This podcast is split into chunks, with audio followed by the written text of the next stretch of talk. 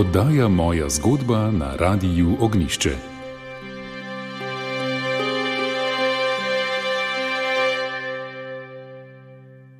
Dobro večer, drage poslušalke in dragi poslušalci, spremljate oddajo Moja zgodba. Danes bomo nadaljevali s predvajanjem prispevkov z mednarodne konference Temna stran meseca, drugi del, ki je potekala novembra 2018 v Državnem svetu v Ljubljani. Konferenco je organiziral Študijski center za narodno spravo v sodelovanju s sorodnimi inštitucijami iz Slovenije in tujine. Nocoj bomo prisluhnili dvema sodelujočima na posvetu in sicer Janezu Janši in dr. Jožetu Dežmanu. V vodu pa bo nekaj besed namenjenih nagrajencu platforme Evropskega spomina Investi. Nagrado platforme podeljujejo vsako leto, dobitnik v letu 2018 pa je bil Oleg Sencov, ukrajinski filmski ustvarjalec in pisatelj Skrima. Po ruski priključitvi Krima je bil aretiran, rusko sodišče pa ga je obsodilo na 20-letno zaporno kazen, ki jo prestaja v Sibiriji. V znak protesta je začel Sencov maja 2018 z gladovno stavko, ki jo je oktobra zaradi zdravstvenih težav prekinil. Sencov je bil leta 2018 tudi dobitnik nagrade Saharov Prize, ki jo podeljuje Evropski parlament. Nagrada Saharova se podeljuje posameznikom in skupinam ljudi, ki so svoje življenje posvetili zaščiti človekovih pravic in svobodi mišljenja.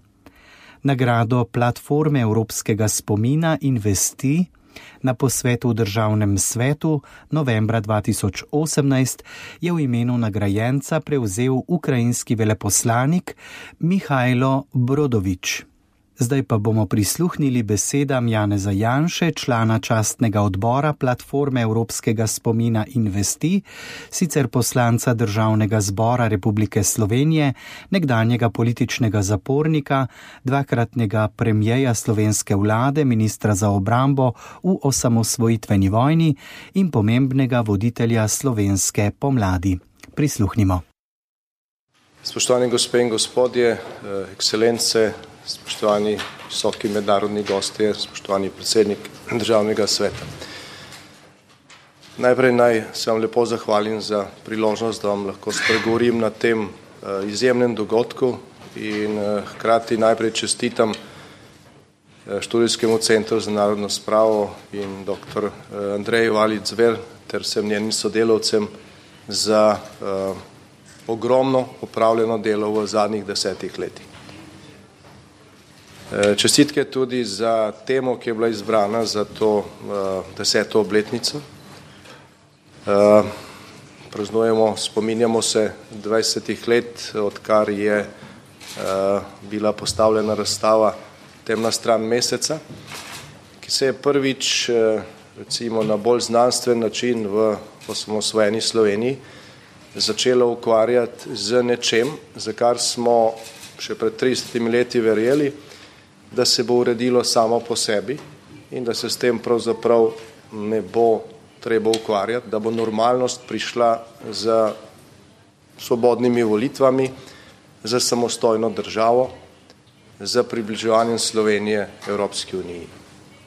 Pred dvajsetimi leti je prvič prišlo do širšega spoznanja, da se to samo po sebi avtomatsko ne bo zgodilo, da bo spomin umrl, da bo pozaba zmagala nad spominom, prevladala nad spominom, če tega spomina ne bomo odkrivali, ga negovali in se borili za resnico. In če tukaj ponovimo rek, ki ga pripisuje ustanovitelju, enemu od očetov Evropske unije, Jeanu Monnetu, ne, ki je izjavil takrat, ko so se postavljali temelji unije, tudi na ruševinah katastrofe druge svetovne vojne in vsega, kar je tej vojni sledilo. Nič se ne zgodi brez ljudi, nič ne traja brez institucij. Nothing happen without people and nothing lasts without institutions. Torej, to, kar je bilo zasejano z razstavo Temna stran meseca pred dvajsetimi leti, se je začelo porazgubljati in bi se porazgobilo, če ne bi pred desetimi leti nastal študijski center za narodno spravo, ki je združil to energijo in uh, te sile spomina v boju za resnico. In uh, izjemna, uh, izjemna dobra poteza je tudi kombinacija tega slovenskega spomina in obletnic z uh, podelitvijo nagrade gospodu Oleku Sencovu strani Evropske platforme spomina in vesti. Uh, še nekaj časa uh, nazaj z odločitvijo Evropskega parlamenta, da se, mu, da se gospodu Sencovu podeli nagrada Saharov. Kajti, eh, gospod Sencov je po eni strani osebna, po osebni plati velika žrtev, eh, deloma izgubljenega boja spomina s pozabo, po drugi strani je pa simbol nekega časa, za katerega je Solženicin dejal, da to še ni nek nov čas, Govorijo namreč o uh, situaciji v postsovjetski zvezi, po razpadu Sovjetske zveze v Rusiji, o času tako imenovane tranzicije. Govoril je praktično za m, družbe vseh postkomunističnih držav, ko je dejal to, kar danes živimo, je potem govoril pred približno 20 leti, to, kar danes živimo v Rusiji, ni še nekaj uh, novega, kar smo si želeli ob spremembah in ob padcu berlinskega zidu, razpadu Varšavskega pakta. Ni pa več tudi tisto staro, kar je bilo prej, ampak je nek konglomerat, kjer se meša vse odprej in vse na novo. E, prihaja v neko družbo, ki e, je v veliki meri pozabila na neke osnovne vrednote krščanstva, Eh, je dejal. In, ki, eh, in ta čas je čas, za katerega ne vemo, kako se bo končal. Ali se bo končal v nečem novem in dobrem, ali v povratku na staro. Zdaj, po 20 letih vidimo, da v, na ozemlju Rusije, ne, velikega dela nekdanje Sovjetske zveze, praktično še vedno obstajajo gulagi, obstajajo montirani sodni procesi in Oleg Sencov je žrtev takšnega procesa. E, zaradi nevarnosti, ki e, je predstavljal za e, restauratorje nekdanjega časa in režima, pa tudi kot primer, ki je bil izbran za strah, za to, da se prestraši ostale, ki bi lahko pozdignili glas proti temu, kar se je zgodilo in kar ni prav. In lahko rečemo, da po 20 letih eh, od eh, te izjave so ženicina nekaj več in eh, te razstave, ki smo imeli v Sloveniji o temni plati meseca, lahko gotovimo, da še vedno živimo v nekem hibridnem času, ne, kjer so mogoče nekatere stvari šle v smeri novega, boljšega, nekatere stvari so ostale enake, mnoge stvari pa so nažalost šle nazaj. Tako da danes recimo v Rusiji uh, ni grobih stalinskih čist, kot so bili v 30., 40. ali pa 50. letih, ne je pa cenzura, montirani procesi, ni uh, množičnih umorov, ne, so pa sofisticirani umori in poskusi umorov z uh, mnogimi uboji uh, novinarjev, uh, demokratičnih aktivistov, ki nikoli niso bili raziskani z, z uporabo novičuka, ne, rekel, uh, orožij tajnih služb uh, za odstranjevanje političnih nasprotnikov tudi izven meja te države in predvsem, in to je daleč najbolj nevarno za naš kontinent in širše, z uh, uresničevanjem tega, kar je uh, gospod Putin na nek način nakazal že v času, ko je prevzemal vrhovno oblast v Rusiji, ki je v svojem prvem intervjuju dejal, da je razpad Sovjetske zveze največja geopolitična katastrofa 20. stoletja.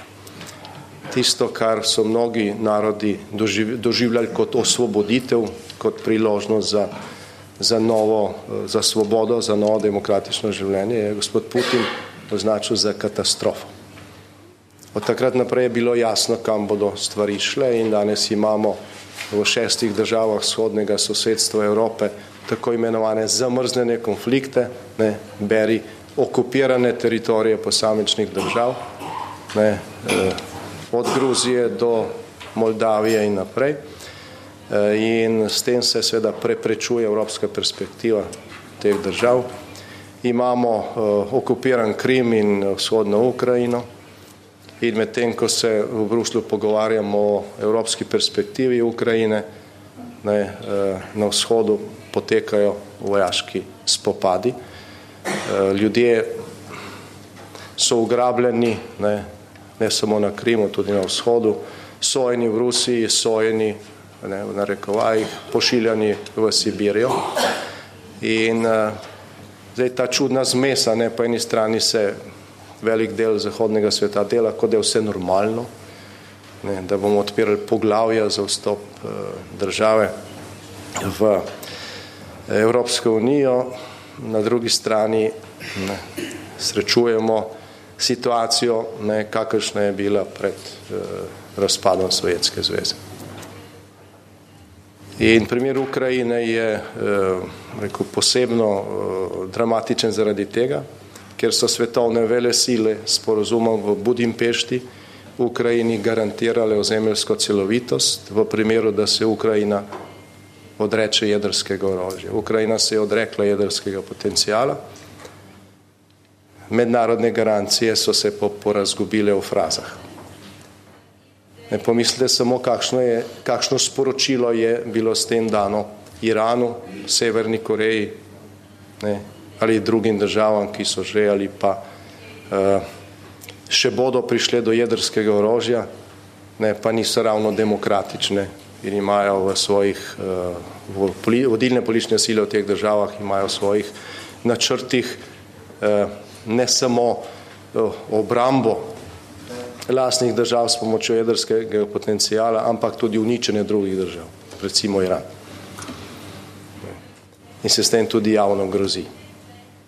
Torej, z kršenjem sporozuma iz Budimpešte, ker je bila Ukrajina prva žrtev, je začel razpadati eh, post hladnovojni mednarodni red in uh, zaradi tega je pač tudi osebna usoda gospoda Olega Sencova nekaj, uh, naj, kar naj pomaga buditi uh, zavedanje o tem, v kakšnem času živimo. Zavedanje v neki situaciji, ki včasih spominja na Titanik, ne, ko godba veselo igra, ladja pa pluje proti eh, ledeni gori. In še potem, ko se že zaletiš, ne, glasba še vedno igra. Veliko naporov se zadnje čase vlaga v to, da mm, ne, se zbudimo in da se ladja usmeri stran od osobnega trka in tudi si takšni dogodki um, bujanje spomina in seveda eh, ne, pomoč tistim, ki so neposredne žrtve eh, vsega tega časa, pomaga k temu.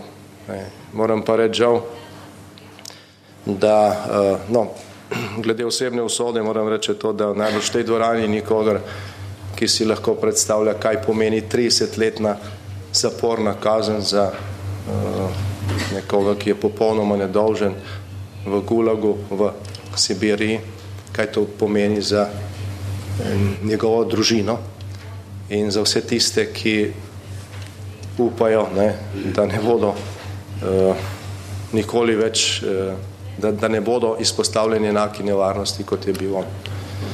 Torej, uh, težko se je to predstavljati in seveda tudi z tega vidika v, v smislu osebne moralne podpore gospodu Sencovu so takšno dejanje nekaj, kar uh, človeku pomaga preživeti v težkih časih. No, do, dovolite mi, da dve minuti posvetim še uh, temni plati meseca v Sloveniji. Uh, o usodi gospoda Sencova v slovenskih osrednjih medijih praktično se od leta 2014 ni bilo možno prebrati skoraj nič. Tudi zdaj, ko je dobil nagrado Saharov od, od Evropskega parlamenta, mislim, da v nobenem srednjem slovenskem mediju ni bilo nekega prispevka, kjer bi se eh, sploh povedalo, zakaj se gre. Ker je to nevarno, ker bi nekdo vlekel pač eh, paralele tudi s tem, kar se ali pa se je še v bližnji preteklosti dogajalo v Sloveniji. Zdaj, slovenska temna stran meseca je v teh zadnjih 20 letih od tiste prve eh, razstave po na nekaterih točkah, bom rekel, nekoliko zbledela. Včeraj je dr. Lauro Šturum navajal podatke, koliko uh, ljudem so bile popravljene, uh, težko bi jaz temu rekel, da so bile popravljene krivice, so pa bile vsaj priznane krivice. Uh, zdaj še bistveno več jih je v tem času umrlo in sploh niso prišli do rehabilitacije. Koliko je bilo razveljavljenih sodb, koliko je bilo odločitev komisije za popravo krivic, katera za kakšna zakonodaja je bila v tem času sprejeta. Eh, to so bili koraki naprej eh, in tista razstava pred 20 leti je te korake vzpodbudila. Večina zakonodaje, eh, ki je to omogočila, ne, ukvarjanje z popravo krivic, je bila sprejeta potem šele. Vendar pa, zdaj, če bi šli v podrobnosti in bi seveda pogledali, kakšne, eh, kakšna poprava krivice je to bila, ne, zdaj, kakšne mizerne vsote povračil so ljudje dobili za, za leta zapora, pa za desetletja proganjene, potem bi se seveda tudi to lahko relativiziralo. Ampak kljub temu je bil to nek korak naprej strani samostojne slovenske države. Po drugi strani pa je ta stran meseca v Sloveniji v teh 20 letih je, ne, tudi temnela. Ne. Je še bolj temna, kot je bila takrat. Ne. Že to, da danes na tem izjemnem dogodku ne vidimo niti kamere nacionalne televizije, niti nobenega srednjega medija, ne, je potrdilo temu. Ne. Malo je takšnih dogodkov v Sloveniji, kakršen je tale, pa to za osrednje slovenske medije, ki pokrivajo 90 odstotkov slovenske javnosti, to dogodek ni. Tudi mnoge druge aktivnosti eh, Centra za narodno sprav v tem času za te eh, srednje medije niso bili dogodki, ki bi jih veljalo eh, pokriti ali pa so to bila zgolj, eh, bom rekel, taka pavšalna eh, sporočila in eh, informacije. Tudi eh, proslave ob Evropskem dnevu spomina in vesti, ne, eh, vsako leto avgusta, so, čeprav je to uradni praznik, tako rekoč, ne, tudi razglašen v času naše vlade, mm, vsakoletne proslave so eh, praktično zgolj na ramenih študijskega centra za narodno spravo in državno oblast to nekje skuša ignorirati. Eh, nekajkrat smo predlagali, da bi tudi slovenski parlament sprejel podobno resolucijo, kot je sprejel Evropski parlament, eh, pa so bili vedno prekratki za nekaj glasov. Celotna tako imenovana levo-liberalna stran je glasovala proti. Enako se je zgodilo recimo z resolucijo Sveta Evrope o razgradni dediščine bivših totalitarnih režimov 1096. Nekajkrat je slovenski parlament glasoval o tem, da se podpre taka, točno taka resolucija, za katero so je cela slovenska delegacija v Štrasburu glasovala, pa nikoli ni šlo skozi. Da ne govorim o tem, da kakršnakoli ilustracijska ali podobna zakonodaja v Sloveniji ni bila sprejeta. Edini del, ki je bil sprejet zakon o sodniški službi, se pa ne spoštuje. Tako da slovensko ustavno vrhovno sodišče je v glavnem sestavljeno iz ljudi, ki so eh, bistveno kršili človekove pravice v bivšem režimu, čeprav zakon o sodniški službi pravi, da takšni ne bi smeli imeti trajnega mandata. Ampak se to enostavno, se to enostavno eh, ne izvaja. Tako da Slovenija je žal v podobni situaciji, kakršno je opisal Solženicin, ne delimo usodo rekel, večine postkomunističnih držav. Pri mnogih stvareh smo, za razliko od tega, kar je neka splošna percepcija v Evropi in v svetu, mogoče celo, celo nižje. Ne. Mogoče smo naredili nekaj korakov dlje, kot do drug marsikje, pa smo še, pa smo še uh, precej zade. Tudi uh, za razliko od pričakovanj pred 20 leti, da bo odkrivanje resnice o preteklosti enako obravnava vseh totalitarizmov, ne, fašizma, nacionalnega in internacionalnega socializma. Ne, Slovenci smo bili žrtev vseh, da bo prišlo do nekega splošnega nacionalnega soglasja, da je zločin zločin, ne glede na to, kdo ga povzroči. Žal do tega ni prišlo. Ne. Še vedno se skuša nekatere zločine eh, še po tisoč prvič obsoditi, ne, druge pa opravičevati. In v zadnjih, še posebej v zadnjem času, je ta diskurs uh, v Sloveniji žal prišel zelo daleč, ne, tako da tudi uh, predstavniki uradnih oblasti včasih uporabljajo govorico, kakršna je bila v Sloveniji v uporabi v tistih najtržjih časih po komunistični revoluciji v času koncentracijskih taborišč in uh, montiranih uh, procesov. Uh, tudi dejavnost, kakršna je dejavnost eh, Centra za narodno spravo, se včasih označuje za malo da nesovražno eh, dejavnost, češ eh, brskate po zemlji, premetavate kosti, s tem se ne, ne splača ukvarjati, posvetimo se prihodnosti. Ne. Vsi pa vemo, kakšna je prihodnost brez spomina, brez kritične obravnave eh, preteklosti. Torej čaka, čaka nas še veliko dela. Eh, izjemno me veseli, da je eh, podobna aktivnost, kot je aktivnost študijskega centra za narodno spravo, zdaj že organizirana mrežna aktivnost Evropske platforme spomina investi. Izjemna hvala ne, gospodu Kaminskemu in vsem njegovim sodelavcem, tudi fondaciji Konrada Adenauer, gospodu Langeju, za, za to podporo. Uh, Mar si česa ne bilo možno organizirati uh, brez tega sodelovanja. Uh, vsem ostalim, ki delate na, na boju za prevlado spomina nad pozabo in za zmago resnice, širom po Evropi, kajti samo z nekimi skupnimi napori je možno stvari eh, premakniti naprej. Odaj moja zgodba ste lahko poslušali besede člana častnega odbora platforme Evropskega spomina Investi, poslanca Državnega zbora Republike Slovenije in dvakratnega premijeja slovenske vlade Janeza Janše. V drugem delu pa bomo sledili razmišljanju dr. Jožeta Dežmana, znanega slovenskega zgodovinarja in muzejskega svetnika Gorenskega muzeja Kran.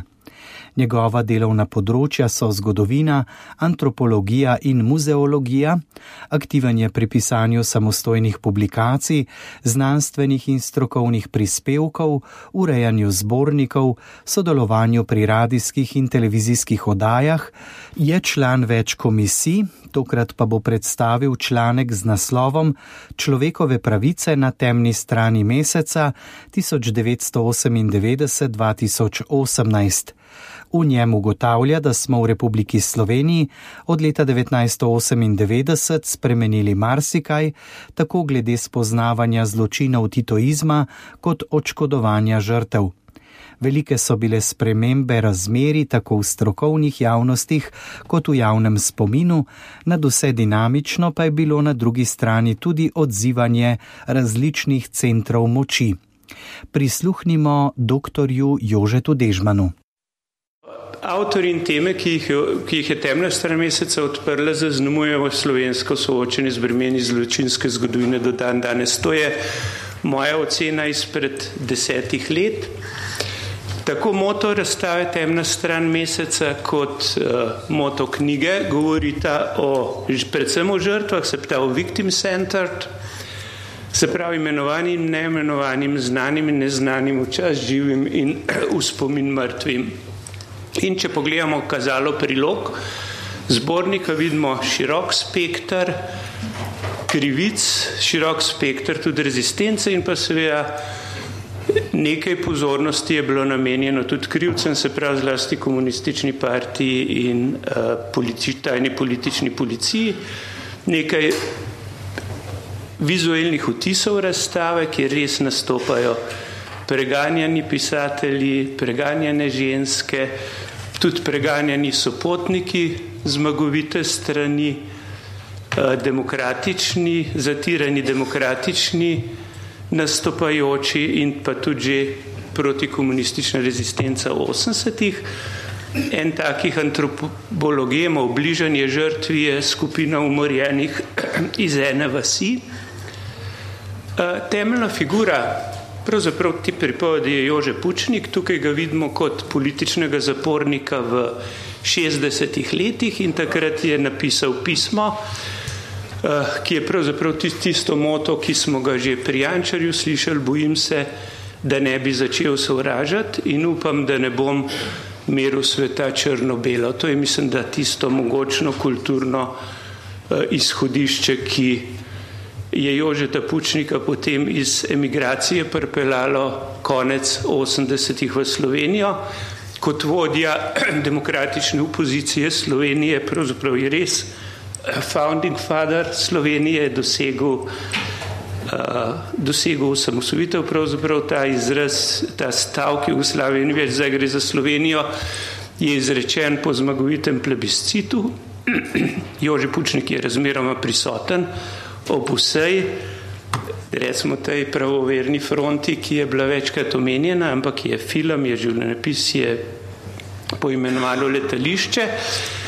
Poglavje, pa, o katerem se pa veliko še zdaj pogovarjamo, je pa seveda Jože Pučnik je vodil parlamentarno preiskovalno komisijo, ki je preiskovala najhujše kršitve človekovih pravic in uh, seveda je, temu rečemo, postituistične stranke ali pa kontinuiteta je to poročilo, uh, je preprečila sprejem tega poročila, ki je zdaj objavljeno. Druga oseba, ki je takrat odprla razstavo Temna stran meseca, je Ljubo Sirc, leta 2001 odlikovan za demokratizacijo komunističnega vzhoda z visokim britanskim odlikovanjem. On je sodeloval z Gajdarjem, tudi z Mačari, eh, dejansko resna figura. Njegova dela v Sloveniji prevajamo, je pa kakšnih večjih javnih počastitev ni dobo, mu je pa Lordska zbornica leta 2016 posvetila poseben dogodek v njegovo čast.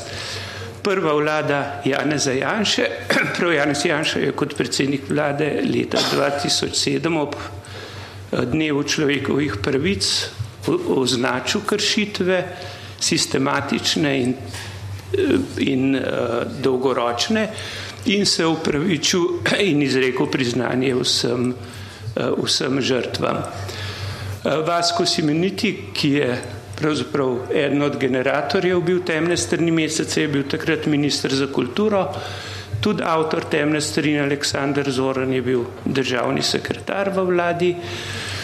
In pa zdaj, če se vrnemo na to temeljno problemsko vprašanje, se pravi prikrita morišča in grobišča, Jože Pučnik je v temni strani mesece dal diagnozo ki nas še spremlja, se pravi, da zaradi zaščite enega ali dveh ducatov nekdanjih komunističnih funkcionarjev pred roko pravice kažemo svetu, kako da nam pravni red malo pomeni.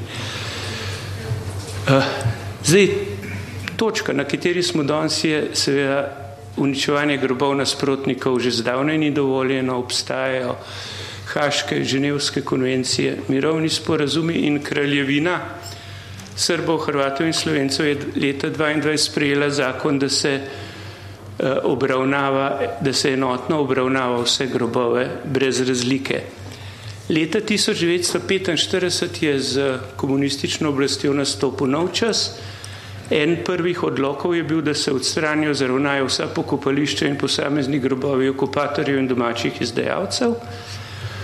In to je bil temelj, to je bilo eno od stebrov za nastank tega sistema ohranjanja razvijanja racionalnih izročil oziroma, če rečemo, po nekako v havlu življenja v laži. Uh, da vidimo malo nazorno, kako radikalna je bila ta sprevrženost resničnosti, imamo eno od mitoloških trditev, naj bi partizansko gibanje v Jugoslaviji uničilo okrog 5000 sovražnikov, med njimi 50 tisoč kvizlingov. Zgodovinski podatki povedo, da je partizansko gibanje v Jugoslaviji uničilo manj kot 50 tisoč uh, okupatorjev. Eh, je pa seveda po vojni bilo, je umrlo ali bilo umorjenih okrog 70 tisoč voj, nemških vojnikov oziroma skoraj polovica vseh. Mit o 50 tisoč kvizlingih dobiva drugo podobo, če pogledamo, da je v, se pravi, osvoboditev je vstop rdeče armade v Jugoslavijo avgusta 1944 je ubitih okrog četrt milijona prebivalcev Jugoslavije. To so podatki, ki sem jih zbral od kolegov uh, po nekdanji Jugoslaviji, slovenski popis je pa narejen. Mit o 700 tisoč, milijon 700 tisoč žrtvah je bil narejen za potrebe mirovne konference v Parizu, zdaj je ocena nekje okrog milijona, ampak popis leta 1964 za vso avtoriteto državnih oblasti je pokazal 600 tisoč žrtev v Jugoslaviji, 40 tisoč v Sloveniji. Leta 1976 pa v Sloveniji režimska publikacija govori o 46 tisoč žrtvah, v opombi pod črto je pa 12 tisoč tabuiranih žrtev prvič javno omenjenih. In vidite, da imamo leta 1964 v Sloveniji 41 tisoč žrtev, leta 1976 58 tisoč žrtev, danes pa popis Inštituta za novejšo zgodovino šteje skoraj 100 tisoč žrtev. Čeprav ni popoln. In inštitut za novejšo zgodovino izrazito upozarja, da koliko kategorij žrtev oblasti niso priznavale, so zgubile svoje žrtve, recimo 1500 talcev, 10 tisoč partizanov, eh, se pa to vse giblje na populaciji milijon in pol, no to je treba. Se pravi, niti svoj, se pravi, dialektični in znanstveni materializem, historični materializem ni znov šteta ne, v našem primeru. Primer žensk, kjer se strahotne razlike v podatkih in če jih je bilo recimo leta 76 3500 strani sovražnikov, kdo jih je pobil 6500. To so te igrce, ki se lahko igramo, ampak vse en ta temeljni premik v Republiki Sloveniji je bil od simbolnih obredov do pravice do groba in spomina za vse. Začel se je z ena taka mogočna manifestacija vstopa tega la, preloma laži je bil simbolni pogreb žrtev julija 1990. Eh, postavljenih je 220 farnih spominskih plošč z imeni 14170 tabuiranih žrtev. To tudi znani kolega Lutar označuje kot eno gromozansko in hudobno revizijo. Potem postavljeni so bili nekateri večji objekti, zlasti osrednji spomenik v Teharjah pri celju. Žrtve pa so seveda prihajale na plan ob gradnji avtoceste v Teznem, 1179 žrtev na 70 metrov leta 1999, po sondiranju 2006 je tam v 940 metrih jarka več kot 15 tisoč žrtev. To je eno večjih, mogoče še eno, dve tega obsega morišč eh, ste v Sloveniji. Po izkopu so žrtve pokopane na pokopališču v Dobravi, Mitijo Ferenca omenjam zato, ker je v bistvu precejšen del znanstvene karijere po svetu prav eh, temu vprašanju in leta 2009 je rekel, ne samo, da imamo zločin brez zločincev, imamo tudi žrtve brez grobov. Kolega Pavel Jamnik, vodja kriminalist, je leta 2005 zahteval kazensko preiskavo za Mitijo Ribičiča, nekdanjega predsednika jugoslovanske vlade, predsednika jugoslovanske partije in je senat okrožnega sodišča v Ljubljani preiskavo preprečil s falzifikatom. Se pravi, ta hip v tej naši komisiji delamo z okrog 700 lokacijami, gre za naj način Evropa v malem. in nam omogočajo te osnovne trditve, se pravi več kot 100 tisoč žrtev, najhujši množični umori po drugi svetovni vojni v Evropi in najhujši množični umorih slovencev in hrvatov v zgodovini obeh narodov. Ampak leta 2005 se začne arheološka raziskava, se pravi spet Janšova vlada in 3. marca 2009 stopimo v grobišče v Hudi jami, Huda jama kot pojem pomeni šok, ki ga doživimo ob mumificiranih eh, truplih žrtev. Se pravi, ena žrtev drži protezo druge v enem smrtnem krču. In uh, prva izjava je bila tedanjega predsednika republike Danila Tirka, da je to drugorazredna tema. Ta izjava je bila, kot se je kasneje pokazal, njegov politični samomor.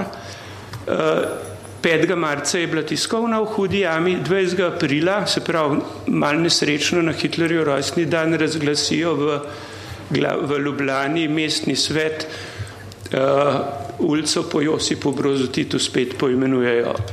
Uh, leta 2011 ustavno sodišče odpravi to odločbo, ker ni v skladu z načelom spoštovanja človekovega dostojanstva.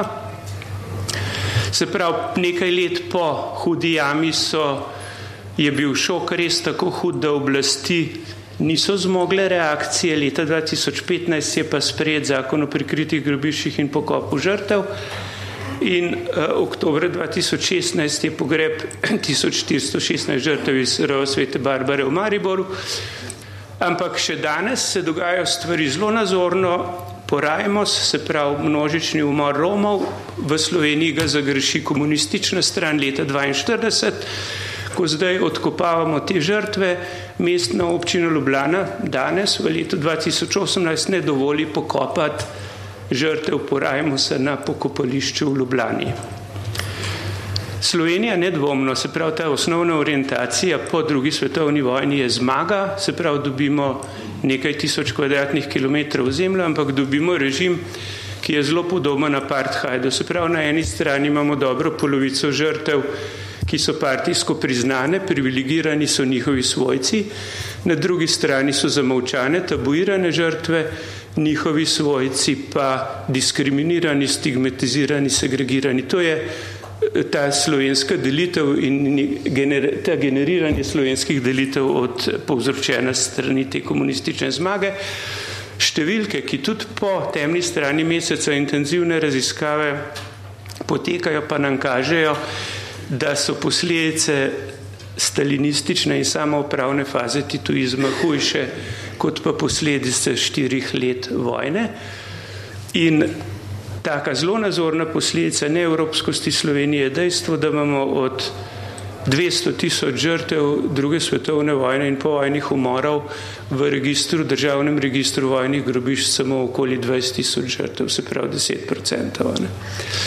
Zdaj pa še nekaj avtorjev temne strani. Tamara Grizer je uh, nedvomno ena glavnih nastopajočih in uvede ta razumen razumen volumen napetosti druge svetovne vojne, se pravi okupacija, kolaboracija, državljanska vojna, revolucija. Na njeni podlagi Dieter Blumenvic napiše temeljno delo mednarodno pravno oceno. Lauro Šturem je kot minister za pravosodje direktno in indirektno vplival na celo vrsto področji. V temni strani meseca je naprimer napisal, da nedvomno leto 45 ne prinese svobode, leto 90 pa. Napisal je knjigo o umorih ranjencev, bolnikov in invalidov. Velik proces v vrednosti nekaj milijard evrov v Sloveniji je denacionalizacija veritev zaplevnega premoženja, ki je sicer strašno dolgo traja, je pa skoraj 40 tisoč zadev opravljenih. Več tisoč sodb na političnih procesih je bilo razveljavljenih, izplačene odškodnine. Jana Zalokača omenjam kot človeka, ki je zaslužen, da je komisija za izvajanje zakona o popravi krivic sploh začela delati. In tudi pod šturmovo inicijativo imamo zdaj več kot 35 tisoč priznanih odškodnin, ki so pa dejansko mizerne, tako kot je že Janez Janša poudaril. Eh, velik dogodek je bil konferenca o zločinih totalitarnih režimov v času predsedovanja Slovenije svetu EU v Bruslu Ustanovitev študijskega centra smo že slišali s prvim direktorjem Milko Mikolo in pa bi le rekel, jaz sem kot direktor Muzeja novejše zgodovine postavil sobo Slovenija 45-60 z temno stranjo meseca in rdečo stranjo. In ta delitev družbe je sledila tudi na eni vrsti sistematizaciji v knjigi. Je pa tale del, rdeči del, je pa zdaj že malo pofri, posvetljen, no, ker se je sedajni direktorci zdel mal pretemen, direktorca je seveda pa iz šole Ota Lutarja. No, tako. Ampak bili omenili nekaj projektov, to je 2002, s avstrijskimi kolegi smo pripravili projekt o, o vsak je svojo zgodbo pravil, mi komunistično, oni nacionalsocialistično, znak črta Freliha preganjanje in kmečki upori, spet Frelihov znak. Eh, Marko Štepac je kolega iz muzeja, ki je povabil draga Jančarja naj postav temno stran meseca, ob njem Monika Kokalkočevar, tam je bilo postavljeno nekaj temeljnih razstav, ki prebijajo pa osvetljujejo temno stran. Ivo Žajdela neumorno piše in vnaša v bazo člankov, da jih je že več kot uh, 18 tisoč, nekaj tisočih člankov v Sloveniji dnevno izide po nekaj člankov s temi temami. Pomen, da je Slovenija izjemno živahna družba. Omenil bi še Bernarda Nežmaha, Alenko Puhar, nujno. Od drugih, ki so vstopili v to, ta spopad je ekonomist Igor Merza, prav tako ekonomist Rado Pezdir, Jože Možina, ob eh, dokumentarcih, pričevanjih žrtev, seveda bi lahko še več filmov in tega omenili. In pa zdaj zaključimo zgodbo Drago Jančarja, ki je maja 74 nagrajen z režimsko nagrado za dobrega novinarja. Novembra 74 je pa obsojen na leto dni zapora, ker je iz tujine prinesel prepovedano knjigo. Potem je pisal, pisal, nastopal, ampak leta 2007, kot je že samo omenil, je nehal pisati v delo. Naprimer, Enalinka Puhar takrat povdari, da bi mogli poklicati partijo, da bo zdržovala zdosno raven socialistične samoupravne demokracije. Ampak Drago Jančar je že napisal že omenjeni roman To noč sem jo videl, ki ima 11 pornatisov v slovenščini, preveden je v 15 tujih jezikov, govori zgodbo o Kseni in Radu Hribarju, ki umorijo partizani. Že omenjeni Peter Hribar je dosegel leta 2000 pravno rehabilitacijo. Rada Hribarja leta 2015 so bili posmrtni ostanki obeh odkopani. Uh, oktobra 2015 je predsednik republike počastil spominsko ploščo na gradu Strmol in tudi takrat svoje strani izrekel obžalovanje za zločin in da je država bila tako počasna. In predsednik Pahor nedvomno prispeva k tem procesom olajšanja zgodovinskih bremen. Njegova zasluga je ta spomenik za žrtve vseh vojen z njimi povezanih dogodkov. Letos za 1. november, dan spomina mrtvih, je prvič v zgodovini vsa slovenska oblast počastila vse žrtve, delajo pa tudi civilni iniciative, spomenik eh, Resnica in sočutje leta 2015, kjer je prst z krajev trpljenja slovencev po svetu, to so vsa, se pravi Dachau, Auschwitz, nacionalsocializem, rab, fašizem, tehar je uh, Šentvit, eh, komunistka, vse komunistična taborišča in obstaja tudi vse posvojitev, spletna stran za možnost posvojitve vseh žrtev. In to so tisti žarki svetlobe, ki pravzaprav temne strani meseca padajo naprej in če je bilo tukaj večkrat izražen dvom, kaj Slovenijo bo, jaz bi rekel, da Slovenija doživlja kulturno renesanso in preporod in če smo zmogli tako spremembo ob stoletnici zdaj spominjena na prvo vojno, jo bomo zmogli tudi naprej. Seveda me pa kakšni ljubitelji mal bolj pesimističnih pogledov se z mano ne strinjajo, ampak jaz verjamem, da bo eh, Slovenija, ki je primerjalno gledano tudi v na področju tranzicijske pravičnosti prav v odlični formi, da bo v najboljši tradiciji temne stvari strani meseca zmogla iti naprej. Hvala lepa. Poslušate oddajo Moja zgodba, v njej smo danes poslušali dva prispevka, ki sta bila predstavljena na mednarodnem posvetu Temna stran meseca, drugi del, ki je potekal novembra 2018 v Ljubljani in sicer sta sodelovala Janez Janša in dr. Jože Dežman. Odajo sta za danes pripravili sodelovki študijskega centra za narodno spravo Marta Keršič in Mirjam Dujo Jurjevčič. Uredil sem jo Jože Bartol, tehnična izvedba Boštjan Smole. Hvala za pozornost in lepo vabljeni k poslušanju tudi prihodnjo nedeljo, ko boste lahko prisluhnili prispevkoma Vaska Simonitija in Aleša Bergerja. Lahko noč.